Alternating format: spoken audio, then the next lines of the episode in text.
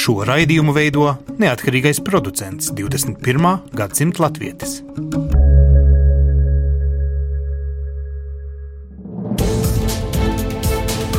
Septiņas dienas Eiropā piedāvā Eiropas radiotīkls Eironet.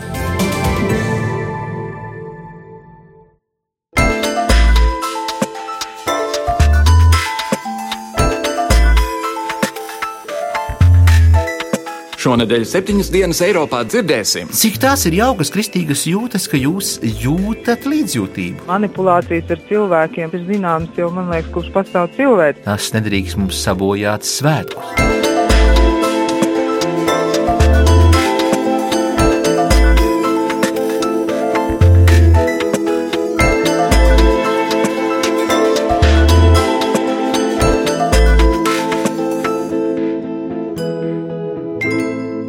Labdien, darbie klausītāji! Latvijas radio studijā Kārlis Streips. Ļoti priecīgus jums otrus Ziemassvētkus un esiet sveicināti jaunākajā septiņas dienas Eiropā. Pagājušās nedēļas sākumā, diemžēl, pasaulē nevaldīja miers un saticība, valdīja terors un lija asinis. Ankarā fotografiju izstādes atklāšanā 22 gadus vecs policijas darbinieks kliedzot neaizmirstiet Alepo, neaizmirstiet Sīriju, raidīja astoņas lodes un dzēsa Krievijas vēstnieka Turcijā Andreja Karlova dzīvību. Vēlāk tajā pašā dienā Berlīnē 12 cilvēku gāja bojā un 48 tika ievainoti, kad vientuļa terorista vadīta kravas mašīna taranēja pūli kādā Berlīnas Ziemassvētku tirdziņā.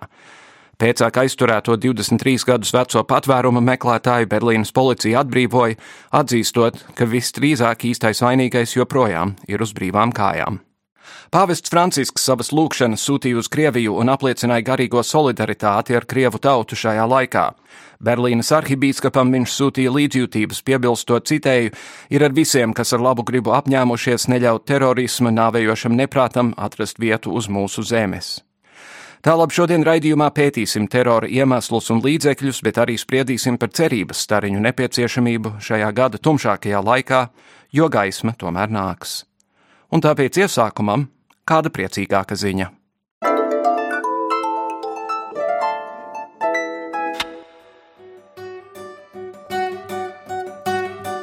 Septiņus gadus vecā sīriešu meitene Bana Alabeda, kas izmantojot sociālos mēdījus, kļuvusi par austrumu lepo ciešanu cilvēcīgo seju, ir beidzot tikusi laukā no iekarotās pilsētas.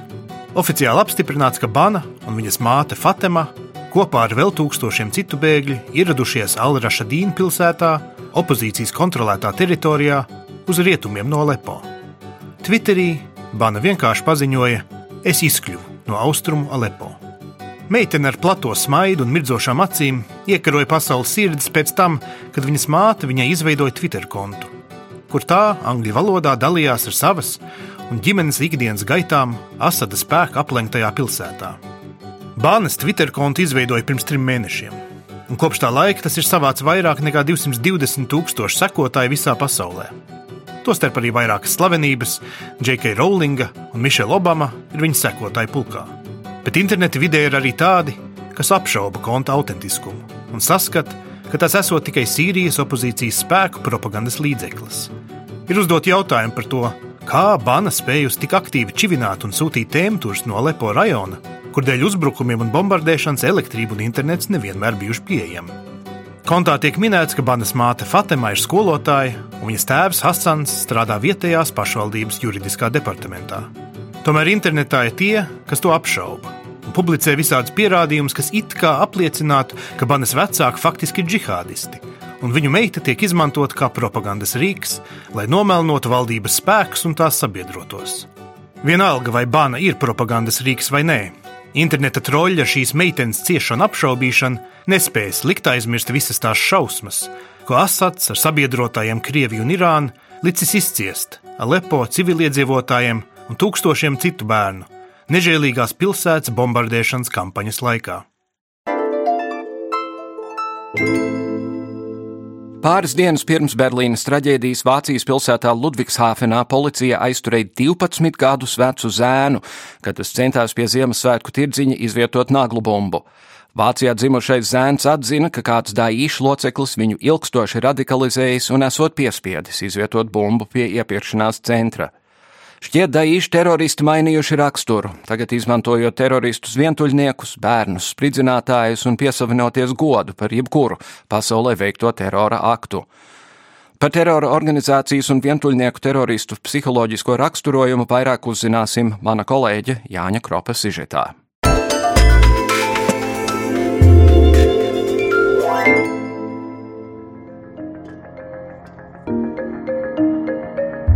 Eiropols jau pirms kāda laika brīdināja, ka ir ļoti liela iespēja piedzīvot teroristiskus uzbrukumus Eiropā Ziemassvētku laikā. Smagās automašīnas triekšana cilvēku pūlī Berlīnē un bērna spridzinātāja aizturēšana Ludvigshafenē lielāko uzmanību šobrīd liek pievērst tieši Vācijai. Ja pieaugušo uzbrucēju fenomenu Aleša cenšas skaidrot ar kādu iekšēju vilšanos vai piepildījumu trūkumu, tad bērnu izmantošanu jau ir grūtāk aptvert. Kā izskaidrot cilvēku vēlmi ziedot savu dzīvību, lai noslakotu citus, atbildes meklēt līdz Rīgas pēdējiem pedagoģijas un izglītības vadības augstskolas lektore, psiholoģa Kristiāna Lapiņa. Tas jautājums droši vien ir mūžvecs, tāpēc ka šāda veida manipulācijas ar cilvēkiem, lai panāktu to, ka viņi dara kaut ko, kāda interesē, šādas manipulācijas ir zināmas jau, man liekas, kurš pastāv cilvēks. No otras puses ir daži priekšnosacījumi, kas tiešām to ietekmēs. Un, eh, protams, ka viens no svarīgākajiem aspektiem varētu būt elementāras bailes. Tas nozīmē, ka tiek apelēts pie šī te, nu, bērna vai pusauģa drošības, un tas nozīmē, ka tur var izmantot diezgan daudz dažādas negatīvas apgalvojumus un reāli arī draudus. Ludvigs Hafenē aizturētais 12-gadīgais zēns, kurš centās divreiz atstāt publiskās vietās pie Ziemassvētku tirdziņa somu ar pašu darinātu spridzekli, ir aizturēts. Tomēr bērnu uzbrucēju fenomens ir milzīgs ārpus Eiropas. Piemēram, salīdzinoši nesen Irākā aizturēja 15-gadīgu jaunieti, kurš centās ienest spridzekli pārpildītā futbola stadionā.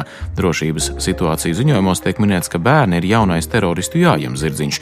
Aptuveni 90 bērnu ik gadu aiziet bojā Islāma valsts rīkotajās misijās kā uzbrucēji. Protams, bērnu izmantošana ir saprotama saprotam, jo kurš gan turēs viņus aizdomās par iespējamu pašnāvniecisku uzbrukumu.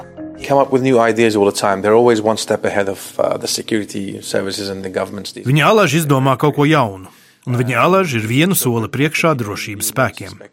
Viņi ir ļoti radoši. Izmantot bērnus pašnāvnieciskiem uzbrukumiem. Kurš varētu iedomāties, ka bērns ir drauds? Diemžēl mēs esam cilvēkus centušies informēt, ka šādas programmas pastāv. Bet tas nav efektīvi, kamēr Islama valsts kontrolē šīs teritorijas. Ja viņiem ir šāda kontrole, tad viņiem ir pieeja bērniem un pieeja infrastruktūrai, kurā bērns apmācīt un kurā viņiem izskalot smadzenes facilities to be able to train these children and, and brainwash them. Lahurs Talabānī vada kurdu izlūkošanas dienestu. Viņa darbs ir primāri atrast uzbrucējus, pirms viņi iedarbina savas sprāgstvielas.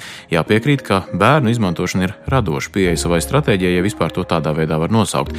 Tā dēvētos smadzeņu skalošanu kā svarīgu piesauc arī Kristiāna Lapiņa. Ja iztīra galvu no iepriekšējām idejām, tad tajā var viegli ielikt iekšā jau kaut ko pavisam citu tad, kad viņiem ir jādabū jauns adepts, ja, tad tas, kas ir jāizdara, ir jāizmazgā ārā no tā cilvēka galvas iepriekš to, kas tur ir bijis. Un tad ir jāveic tāda lieta, ko sauc par psihoindoktrināciju, ja, ka cilvēkam tajā psihē vienkārši ieliek jaunas doktrīnas, un to izdarīt ir vieglāk tādam cilvēkam, kuram nav šīs savas iekšējās pārliecības par to, kas ir pareizi, kas ir nepareizi, kas ir ļauns, kas ir labs. Un tas tiek paplašināts uz tādiem mērogiem un tādai intensitātei, ja, ka tas cilvēks zaudē būtībā to piesaist iepriekšējiem un pieņem to jauno ideoloģiju psiholoģiju, pie kam viņš to dara nu, relatīvi nekritiski, ja, jo nav neviena argumenta, kurš būtu pietiekami spēcīgs vai jēdzīgs, ko varētu pretnostatīt tam visam. Bez jau pieminētā, ka ik gadu ap 90 bērnu aiziet bojā šādos uzbrukumos, vēl jāpiemina, ka Islāma valsts kontrolētajās teritorijās ir desmitiem tūkstošu sieviešu, kuras izmanto kā džihādistu līgavas. Tas nozīmē, ka šīs sievietes tiek izprecinātas kaujiniekiem, lai radītu pēcnācējus. Laikmetā, kad arī uzbrucējiem gribas lielīties sociālajos tīklos, drošības dienesti ir apzinājuši vairākus kaujiniekus, kur internetā izvieto lepnas fotogrāfijas ar jaundzimušiem dēliem un ieročiem. Pētnieki skaidro, ka šis fenomens ir pat ļoti biedējošs, jo šie šiem bērniem nebūs atmiņas, kura nav saistīta ar vardarbību vai radikālo islāmu. Ja atsevišķos gadījumos ir bērni, kas ir jauktu ģimeņu atvases un emigrējuši atpakaļ uz tuvajiem austrumiem no Lielbritānijas, Vācijas vai Beļģijas, tad jaundzimušie ir piedzimuši jau milzīgā treniņa nometnē. Kā notiek bērnu iesaistīšana kaujinieku rindās, to stāsta aizturēties spridzinātāji. Viens no viņiem ir Mahmuds Ahmeds, 15-gadīgais zēns, kur aizturēja Mosulā. علمونا على كلاشينكوف Viņi mums vispirms mācīja, kā rīkoties ar automātiskajiem ieročiem, piemēram, Kalašņikova automātu. Tad mūs pārved uz bāzi. Tur mūs sagaidīja četri vecāki vīrieši, kas stāstīja par paradīzi un tam līdzīgām lietām. Par paradīzi un dieva gribu viņi mums stāstīja visu dienu, gandrīz 24 stundas diennaktī. Nometnē mūsu kopumā bija ap 60 puiši, visi dzimuši pēc 2002. gada. Vēlāk viņi sāka mūs iebiedēt, rādīt video ar slepkavībām, kur nogriež galvas. Kad es sasniedzu stadionu, man bija bail, un es sapratu, ka negribu spridzināt. Tur bija ļoti daudz cilvēku, arī bērnu. Es nobijos un aizgāju atpakaļ pie sava vadītāja, kurš gaidīja netālu. Viņš man lika tūlīt pat izpildīt misiju un atgriezties, jo tāda ir Islāma valsts komandiera pavēle. Tad es atgriezos, bet drošības spēki jau mani bija pamanījuši. Viņi mani notvēra vēl pirms ieejas. Rekrutēt bērnus radikālo grupējumu vajadzībām tā ir spoža ideja no šo grupējumu puses, jo rietumu sabiedrība tādas vērtības kaut kā nesaprot.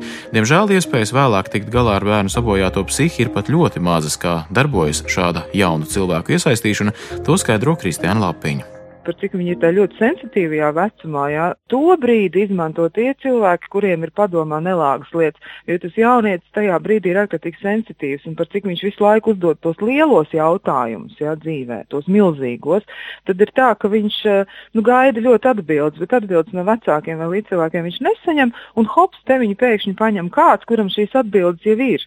Jā, viņš saka, nāc, mēs tev parādīsim, kā pasaule patiesībā ir iekārtot un kā būtu labāk mums visiem, ja mēs rīkotos tā un tā tā. Kā lai pasaka, tas ir īstajā brīdī nolūkots upuris, ja, un ar viņu attiecīgi arī rīkojoties, var panākt to vajadzīgo efektu. Vēl viens kritisks moments ir bērna vecums. Jauniešiem ir tendence būt īpaši atvērtiem jaunām idejām laikā, kad viņi meklē atbildes uz fundamentāliem jautājumiem. Kristiāna Lapiņa skaidro, ja tajā brīdī jaunietis ir attālināts no savas ģimenes, jebkurš, kuram ir atbildes uz svarīgiem jautājumiem, var kļūt par jauniešu skolotāju. Viņi tiešām ir viegli manipulējami, un šausmīgākās bailes ir, ka nodarīs kaut ko viņa ģimenei. Ja tā māte vai tas varbūtējais aprūpētājs kādu laiku tiek idealizēts, viņa loma tiek uzsvērta, ka viņš ir īpašs, un pēc tam savukārt tiek izteikti draudi šim cilvēkam, ja viņš pazudīs no tā bērna dzīves, ja lūk, viņš neizdarīs to un to. Citreiz, protams, ir vienkārši meli. Tam bērnam pasaka, ka viņš par to kaut ko dabūs, vai arī viņam tiek apsolītas lietas, par kurām viņš adekvāti nav spējīgs spriest. Diemžēl katras zināšanas var izmantot gan labām, gan arī sliktām lietām. Ir labi zināt, kā uzbūvēta cilvēka domāšana, bet, ja šīs zināšanas izmanto manipulācijām, tad tās kļūst par ieroci. Diemžēl drošības dienestos strādājošie vienmēr uzsver, ka ir vienu soli aiz uzbrucējiem. Iemesls tam ir uzbrucēja mainīgās stratēģijas, lai panāktu lielāku savas darbības efektu. Šobrīd jau ir diskusija par to, ka ar ierasto stratēģiju islāma valsti apkarot neizdosies. Tās ietekmes mazināšanai ir nepieciešama visaptveroša sadarbība, kas ietver arī informācijas nodošanu vēršanu tām iedzīvotāju grupām, kuras ir visatvērtākās radikāļu vēstījumiem. Ja vēlamies mīlestību, saticību un mieru virs zemes, nevis krīzes, krahus, kāru, teroru un iznīcību, tad svētku laikā ir īpaši svarīgi domāt arī par vispār cilvēciskām, garīgām vērtībām un necensties visur saskatīt tikai ļauno. Lai spriestu, kā labāk šajos svētkos aizgaņāt drūmo un priecāties par labo, pie mums teoloģijas fakultātes docents priesteris Andris Priedē. Sveicināti! Un teoloģijas un skatuves režijas studente Estere Pumpura. Sveicināti! Tad, tas ir interesants savienojums - teātris un skatuves režija. Jā, bet visnotaļ, manuprāt, ka viens otru ļoti labi papildina. Kādā nozīmē? Es saprotu vairāk. Es saprotu plašāk, un es spēju skatīties kritiskāk. Tātad jūs domājat arī par dievu un par reliģiskām lietām, un tas palīdz teātrī? Jā, jā visnotaļ jā, jo mūsu lielie autori tur, tur visur apakšā ir šīs lietas, un jo tu vairāk zini par to reliģiju, vis, jo tev vairāk ir lielāka saprašana par to, mm -hmm. par ko viņš ir runājis. Aktieri par to ne, nešķobās? Nē. Aktieri, manuprāt, aktieris ir tāda profesija, ka viņam jāmāk viss un jārunā pa visu un jādomā pa visu. Mm -hmm, skaidrs. Uh, Prieckungs, sarežģīti pat labāk ir pasaule. Terora akti, un Brexits, un Trumps un viss pārējais.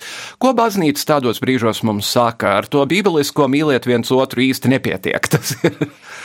nu, varbūt ar to nepietiek, bet dzīve rit tālāk. Un tāpēc, ja ir Brexits vai kādi citi vairāk vai mazāk gaidīti vai negaidīti pārsteigumi, tas nedrīkst mums sabojāt svētkus. Gluži otrādi, Man tieši patīk, kā Merkels kundze uzsvēra, mēs tāpēc neko nemainīsim. Mēs nebeigsim tāpēc iet uz Ziemassvētku tirdziņiem, mēs nebeigsim viens otru apdāvināt un nebeigsim skatīties jaunākās lugas, ko mūsu estere grib piedāvāt arī mūsu teoloģijas fakultātes saimei. Tas ir fantastiski. Man vajadzēja sagaidīt, ka jūs nonākat līdz trešajam kursam, un ka tā jūsu izvēle apvienot studijas teoloģijas fakultātē un teātri, ka tā atklājās ar tik dziļu un tālajošu domu paskatīties tālāk. Es skatījos, nu, nu forša meitene, nu, vaļasprieks teātris, vaļasprieks eh, teoloģija, kas to būtu domājis. Bet to visu savienot tādā viengabalainā skatījumā, un to tagad pateikt ar vienu teikumu mūsu radioklausītājiem, nu tas taču ir forši. Visu cieņu, Ester. Tā uz priekšu. Tas, tas ir tas teikums, visi forši, Ester. jā, jā, un man liekas, tas ir tas teikums, ko mazais bērns Jēzus atnākdams pasaulē teica Jāzepam un Marijai, ka viņi ļoti satraucās, ka tas arī izstās pēc krīzes situācijas. Bētlēme, augsts, visas mājvietas aizņemtas, gan piecas zvaigžņu, gan trīs zvaigžņu, pat viens zvaigžņu, jāguļ kūtiņā. Nu, Mārija Jāzeps noteikti par to pārdzīvoja, un domāju, ka bērns Jēzus arī teica: Viss ir forši, neuztraucieties, es esmu ar jums. Un to viņš arī saka šajos Ziemassvētkos. Un tad Jāzeps un Marija bija ļoti pārsteigti. Viņam ir tikai viena diena, un viņš jau runā. Nu, tradīcijas, tādas dievbijīgas tradīcijas, ko īpaši mīl mākslinieki, piemēram, Selma Lagerlēva, kā viņa cenīs Kristus leģendās, tur stāst par Kristus bērnu, kas pamāja pirkstiņu un palma noliecās un pēd ne tikai bērns Jēzus, bet arī Jāzeps un Marija, un pat iezelītim tiek sava daļa. Nu, tā dievbijīgā tradīcija tā pieņem, ka gan jau viņš kaut kādā veidā spēja komunicēt un to, ja jau reiz mēs viņu saucam par miera ķēniņu, ja miera lielskungu, tad viņš to mieru spēja arī dāvināt tiem, kas bija viņam tuvu, un arī tiem, kas mazliet tālāk. Vienalga, viņš ir un paliek mūsu mierķēniņš. Jūs, jūs uzvedat teoloģijas fakultātē teātri? Negluži teoloģijas fakultātē, bet uh, tagad būs teoloģijas fakultātes mēnesis, kur uh, ietveros februāra beigās, kuras spēlē arī Kuldīgas uztība teātrī kur mēs esam ļoti dažādi cilvēki no visām Latvijas malām, sabraucam kopā un iestudējam izrādes, kuru ir amerikāņu režisore Anna Ketlina Thompsone. Un mēs būsim Anglikāņu baznīcā 10. februārī un rādīsim izrādi pieskāriens, kas ir veidots no Mateja un Jāva evaņģēlīja motīviem, un uh, grupa ir tikai sievietes, un viņas katra spēlē vismaz 5-6 lomas, kur ir gan vīriešu lomas, gan, gan sieviešu lomas, tāpat kā Pilāta un Jēzus spēlē sievieti. Tas ir tāpēc, ka ir grūti atrast puišus, kas grib piedalīties, vai tas ir apzināti? Mēs par to diskutējām sākumā, vai mums tas būtu jādara. Un tad mēs sapratām, nē, jo mēs uh, neliekam vīriešu un sieviešu šīs dzimumus, bet uh, mēs stāstam stāstu. Un, un tad uh, teātrī šīs lietas ir, kā teikt, uh, Nu, bet tas teātrī tas tiešām vēsturiski ir zināma šī praksa, paskatīties arī teiksim, renesanses laikmetā dažādas tur soprānu vai tenora partijas vai kaut ko tam līdzīgu, ko izpilda mūsu kontratenoru, un tur. Tajā laikā arī bija kas strātīgi. Nu, jā, nu, es negribēju to tik skaidros vārdos pateikt, nu, bet principā tas nav nekas jauns. Nu, tas nav nekas jā, jauns, kad, teiksim, var atbilstošas lomas izpildīt, piemērot cilvēku, neraugoties uz viņu personīgo stāju vai dzimumu. Jā. Jūs, jūs pieminējāt Selmu Lagerlēvu. Kristus leģendās tā viena, kas mani vienmēr aizķer aiz sirds, ir tā, kur mazais Jēzus un mazais uh, jūda lipina kopā putekļus. Jā, un, jūdam nesenāk, un, un Jēzums. Man vienmēr ir tik ļoti žēl tā nabaga mazā jūdas tajā stāstā. Vai cik tās ir jaukas kristīgas jūtas, ka jūs jūtat līdzjūtību? Tas ir viens no maniem iemīļotākajiem tematiem par to, ka nu, cilvēks līdzinās dievam ar to, ka viņš jūt pret visu pasauli eh, sava veida līdzjūtības, līdzcietības dāvanu. Un pat mazais bērns jūda, arī viņš ir tikai cilvēks, un arī viņš jau nebija nekur predestinēts, jeb paredzēts tādam ļaunam un rūktam liktenim. Arī viņam bija iespējas e, būt par bērna Jēzus draugu, kā bērnībā, tā arī vēlāk. Līdz pat pēdējai dienai, taču es viņu uzrunāju, draugs, kāpēc tu šeit atnāc, mēs evaņģēlijā to sastopam. Un e, skaisti, varu tikai jums atkal izteikt komplimentus par to, ka visi cilvēki ir jāmīl un visiem jāraugās ar tādu mīlošu skatienu, lai varētu sasildīt Kaut vai vismaz Ziemassvētkos, vai nestara? Nu, jā, gan jau, manuprāt, ka arī, ja mēs tā katrs pats sev paskatāmies, tad mums katram iekšā arī mums ir nedaudz katrā tā jūdas. Varbūt. Jā. Jā. Kad es, es teikšu, ka, ka manī nāksies jūs pievilt pret Donaldu Trumpu, man nav ne mazākās mīlestības un līdzjūtības. Nu, ja mēs tā mēģināsim jūs tā izspiest, nu gan jau kaut kādu lāsīti, Varbūt laba viņi- vēlējumu. Jūs, vismaz es, esmu, es varu sadarēt, ka tad, kad viņš aizies pensijā, jūs viņam novēlēsiet laimīgas vecumdienas. Es esmu pārliecināts, ka viņam būs laimīgs vecumdienas. Viņš ir bagātākais, cilvēks, viens no bagātākajiem cilvēkiem. Bet jūs viņam teiksiet laimīgu ceļu! Laimīgu ceļu, čau, čau, čau. čau. Jā. Vai jums teātris studijas ir daļēji tāpēc, ka jūs zināt, ka jūs izstudēsiet teoloģiju, bet jūs nevarat kļūt par mācītāju Latvijā? Es nedomāju, ka es nevaru kļūt par mācītāju. Ja es, ja es to gribētu, tad ir arī citas iespējas. Kļūt par mācītāju, bet pagaidām es Ne neesmu. katoļos un ne luterāņos, un ne pareizticīgajos. Lielbā baznīca ir arī ļoti atvērta šim. Ja, mm. ja tas būtu, ja es justu sevi, vai ja tas būtu mans aicinājums, ka es šobrīd to gribētu darīt, vai es Un domāju, jūs to ka- nejūtat īpaši? Nu, šobrīd es redzu sevi, man ļoti patīk, kā, kā tas ir šobrīd, ka tas ir teātris, tā, ir- tā ir teoloģija, un ir uh, vēl kāda lieta, ko es šobrīd esmu uzsākusi, un tas ir uh, saistībā ar uh, amata tērpiem, jo man pirmā izglītība pirms tam bija apģērba modelētājs, konstruktors. Mhm. Kur es esmu saskatījusi nepieciešamību pēc kolāra krekliem. Šodien Andrim nav uzvilkts kolāra krekls. Un to nu tagad pasaki visai publikai dzirdot. Nu, jā, man Mēs te tādi neformālāki. Jā. jau viņi visi ir noplīsuši. jā, Tieši tā, un es esmu veid, lielu aptauju veikusi, un, un, un mācītāji bija ļoti atsaucīgi, un es esmu apzinājies tās problemātikas, visu, un eh, saskatījis to, ka jā, un Latvijā nav neviens, kas to dara, un jāsāk ražot kvalitatīvi uzlaboti kolāru kreklu mācītājiem. Es jau gan mazliet to Esteri mēģināju eh, mudināt domāt eh, vēl patriotiskāk un iesaistīties kampaņā uz Latvijas simtgadi katram savs tautas tērps. Nu, un Ester saka, nu labi, uz desmit kolāru krekliem varbūt vienu tautisko krekls arī uzšūšu. Nu, apmēram tā, ka tādā dziesmiņā Nu, pargadiņa vienu zeķi, kā liekot to liekoju. Vai, vai kolāra kreklam obligāti ir jābūt baltam, vai to var variēt tā kā tauriņš lipses? Viņu var kaut kā rotāt? Droši vien, ka nē.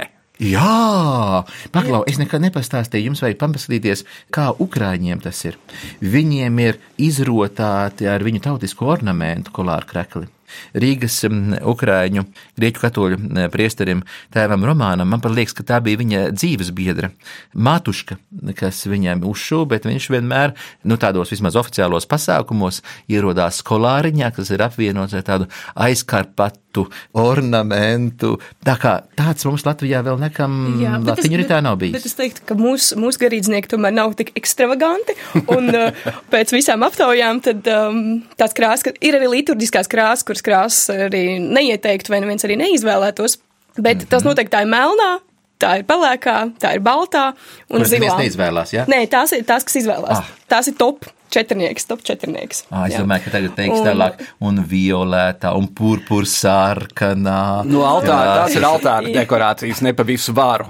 Ne pa visu varu. tas, kas priesteriem Nē, ir vai cik jūs domājat tā mīļi un nepiespiesti? Nē, tas nozīmē, ka garīdzniekam ir tādas aspirācijas, ja ilgas kļūt par bīskapu, par monsignoru vai vismaz par kardinālu. Violētais un purpura sarkanais, tas ir, teiksim, tā ranga pakāpes. Ah. Viņas ir ne tikai liturģiskās eh, gavēņa laikam vai, eh, vai teiksim, vasaras svētkiem, bet eh, kolāram, kas būtu ikdienas apģērbs, nevis liturģiskais, tad uzreiz visi tā teikt cīņu biedri teiks, mmm, skaties!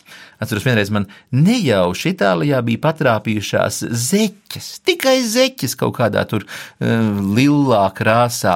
Un tad viens no kolēģiem tā, es neteiktu, ka indīgi, bet no tā, kā Džerals Darels saka, ar Mēdu noziesta bārdas naža eh, tu balsī teica bonauspīčio, tas nozīmē, nu, ba- labas izredzes, jo violētā krāsa, tas ir arī garīdznieku zeķu krāsa, ja viņš kandidē par bīskapu. Lūk, ko dara priesteri Romā, skatās viens otram uz potītēm.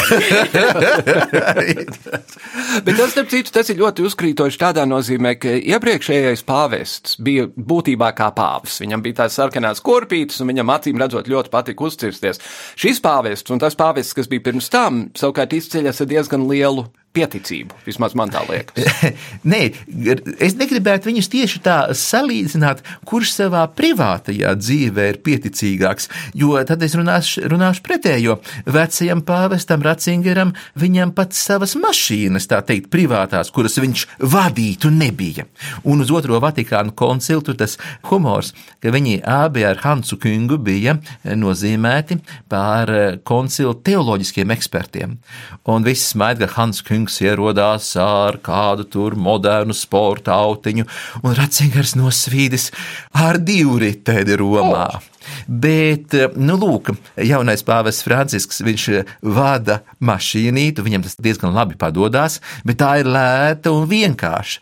Vecais pāvests Ratzingers nevada nemaz. Viņš toties vada tā tad uh, riteni, mm -hmm. un, ja nekļūdos, viņam esot helikoptera vadīšanas tiesības. Gan kaut ko tādu es lasīju, ka tādu, tā, kā tādu humoru, bet, nu, arī personīgā helikoptera viņam nav. Bet toties viņš ļoti labi spēlē. Viņam ir savs pat disks, ja nekļūdos, Mocerta e, ieraksts uz klavierēm. Tā ir viņa sirdslieta. Ratzingers spēlē klavierus. O, jā, un e, studenta gados tas bija viens no jaukākajiem vaļas priekiem apmeklēt Santa Čečīlija auditoriju. Tas ir turpat Via Conciliacionis, kas savieno San Pietro un Castel Sant'Angelo, savu veidu Romas filharmonijas koncertzāle, ko tik tur nevarēja dzirdēt. Pat mūsu Gidonu Krēmeru. Mēs visi Romas latvieši uzskatījām par goda lietu, solidarizēties. Nu, un e, reiz atceros, tagad Wolfgangs Savallišs diriģē tādu popūriju ar e, dažādiem vācu skaņdarbiem. Un ko es redzu auditorijā, baltā, mirdzošā racingera galviņa tur ieradies klausīties savus tautiešus, jo, lai nu kas kas, bet e, es teicu, viņš ir augstākā kaluma liels mūzikas un mākslas draugs. Nu, varbūt arī tāpēc es saprotu, kāpēc viņu neaizrauja bašītas vadīšana varbūt, vai kaut kas tam līdzīgs. Tā teikt, padzied, pagriez skaļāk un dzied līdzi. Tā, jā, tā varētu teikt ļoti labi. vai, vai jums ir viedoklis par sieviešu ordināciju? Tas ir jautājums, kas Romas katoļu baznīcā būtībā ir slēgts, bet Latvijas luterāņu baznīca to nedara. Lielba, kā jūs minējāt, ārzemēs to dara. Vai jums ir pašai viedoklis par to, vai vajadzētu vai nevajadzētu? Es biju uh, praktiskās teoloģijas kursa ietvaros Zviedrijā. Divas nedēļas, augustā mēs bijām, un uh, kur arī mūs aicināja Laubāla baznīcas prāvesta Ieva Graufelda, un mēs bijām dažādās vietās, kā slimnīcā, veco ļaužu pansionātā, pie bēgļiem, kristībās, bērēs. Nu, piedalījāmies ļoti tieši, un mums bija praktiskie uzdevumi. Un tad es vēroju šīs garīdznieces, tās sievietes, kas tur bija katrā vietā, un tad es tā, jā, sēdēju un skatījos, domāju, kāpēc, lai viņa nevarētu būt mācītājs. Tas, ko viņas tur darīja, ir, bet es neesmu daudz redzējis Latvijā, ko mācītāji kaut ko tik daudz darītu. Zināmā mērā aprūpēja savu draugu, kas ir arī visi, visi cilvēki, jā, kas ir viņām ka, apkārt. Ka tur nebija, tas nebija tikai sprediķis svētdienā. Jau minētajos anglikāņos arī mācītāja Jāna Jāruma Grīnberga, kur pirms tam jā. bija Lutāņu arhibīskaps Londonā. Mums laiks iet uz beigām, diemžēl. Ko jūs abi gribētu vēlēt Latvijas radio klausītājiem uz nākamo gadu? Sāksim ar jums. Es gribētu vēlēt uh, nesteidzību. Es gribētu vēlēt, lai, lai, lai mēs varam ieraudzīt savus tos un kopt attiecības. Mm -hmm. To es gribētu vēlēt, lai, lai mums atliek laika attiecībām. Jā. Man šodien ir viens radioraidījums un divi televīzijas raidījumi. Man ar to skriešanu tā ir kā ir. es tieši domāju, es te nu nevajag tas šitā ņirgāties. Nu. Oi, no, no, no, kāpēc? jo, paklausies, tu nekad nav vēl īpaši tik traks eh, skrējiens, kā tas ir Ziemassvētku un jaunā gada uh, priekšvakarā. T tieši varbūt to es arī gribēju teikt, ka tagad arī sāsnējas tas eh, taizē jautājums, ka mums tagad esiet atsaucīgi, kā nu mēs tagad izskatīsimies tik neatsaudzīgi visu, bet es gribētu teikt, izsveriet to un izdomājiet, varbūt jums ir kaut cilvēki, pie ko jūs neesat bijuši pusgadu, un, un, un šajās brīvajās dienās aizbrauciet pie savu cilvēku, mm. nevis domājiet par to, kā mēs izskatīsimies situācijas. Jā, Anglijā es lasīju, ir vesela programma. Pierakstās cilvēki vienkārši reizi nedēļā piezvanīt kādam vecam un vientuļam cilvēkam un ar viņu aprunāties, kas man Jā. liekas ļoti, ļoti mīļi. Tieši tā, it kā neko daudz arī neprasa, bet, Nepras. cik, bet cik tas ir svarīgi. Mums arī daudz vientuļu cilvēku, Jā. diemžēl, Latvijā. Ļoti daudz. Ko jūs vēlat cilvēkiem jaunajā gadā? Es nebūšu ar tik lielām ambīcijām un sagaidīt to, ko es, protams, visvairāk vēlētos, lai tas būtu mierpilns.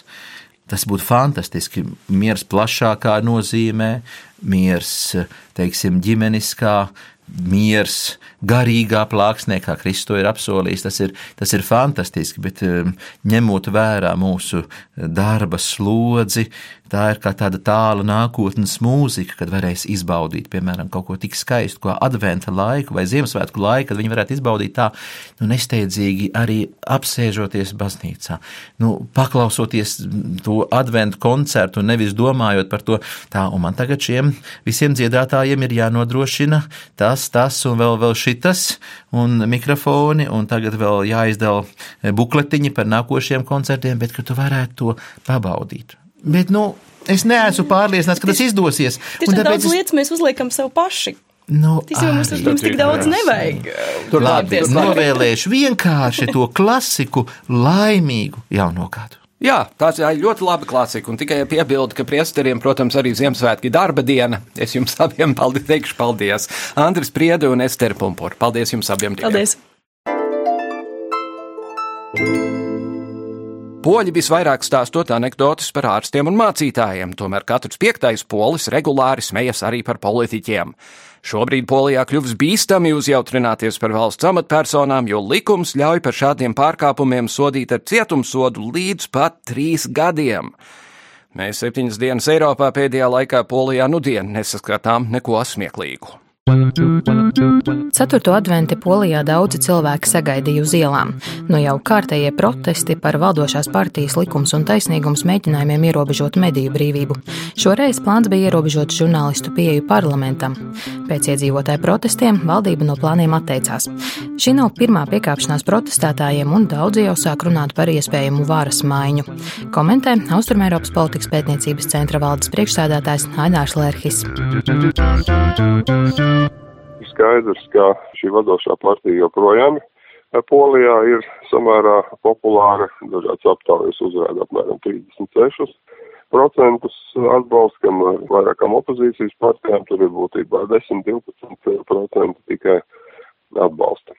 Ir jau runa par to, ka daudz uzskata, ka varbūt tā pozīcija, ko pauž šī partija, nu, ka ir izteiktas no, no konservatīvā vērtību viedokļa, ja, kas, protams, arī var būt uh, nopietns politisks spēks, kam arī ir tiesības būt valstu un politiskajā spektrā.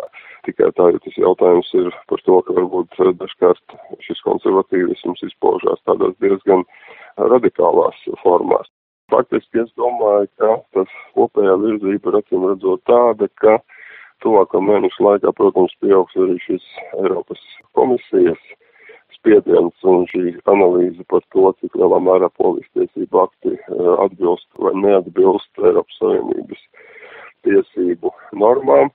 Savukārt tas būtu varbūt tāds ārējs iespēja, un uh, savukārt iekšēji tātad es domāju, ka katrs tāds radikāls risinājuma piedāvājums no pašreizējās polijas valdošās partijas frakcijas un polijas valdības puses arī sistemātiski tomēr atzīst nopietnu opozīcijas pretestību. Un, un tādos gadījumos, kad parlamentā opozīcijai varbūt nepietiek balsu, lai ļautu kaut ko pieņemt no tā, kas tiek piedāvāts, nu tad jau bieži vien notiek arī šīs ārpus parlamentārās cīņas metodas, ka tomēr notiek šīs lielās demonstrācijas ielās un var sāsināties šī situācija, nu jau nevairs parlamentā, bet ielās.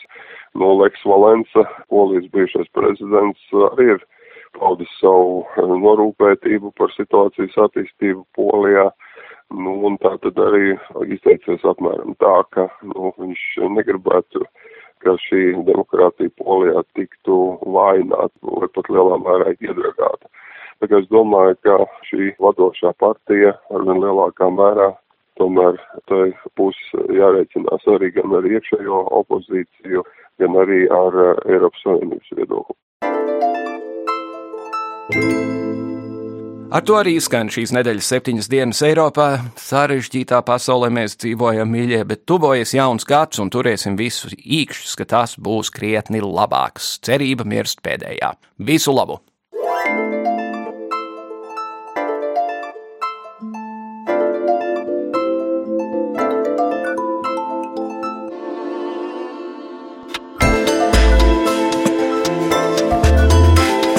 Raidījumu veido Kārlis Streips, Gita Siliņa un Jānis Krops. Producents Lukas Rozītis.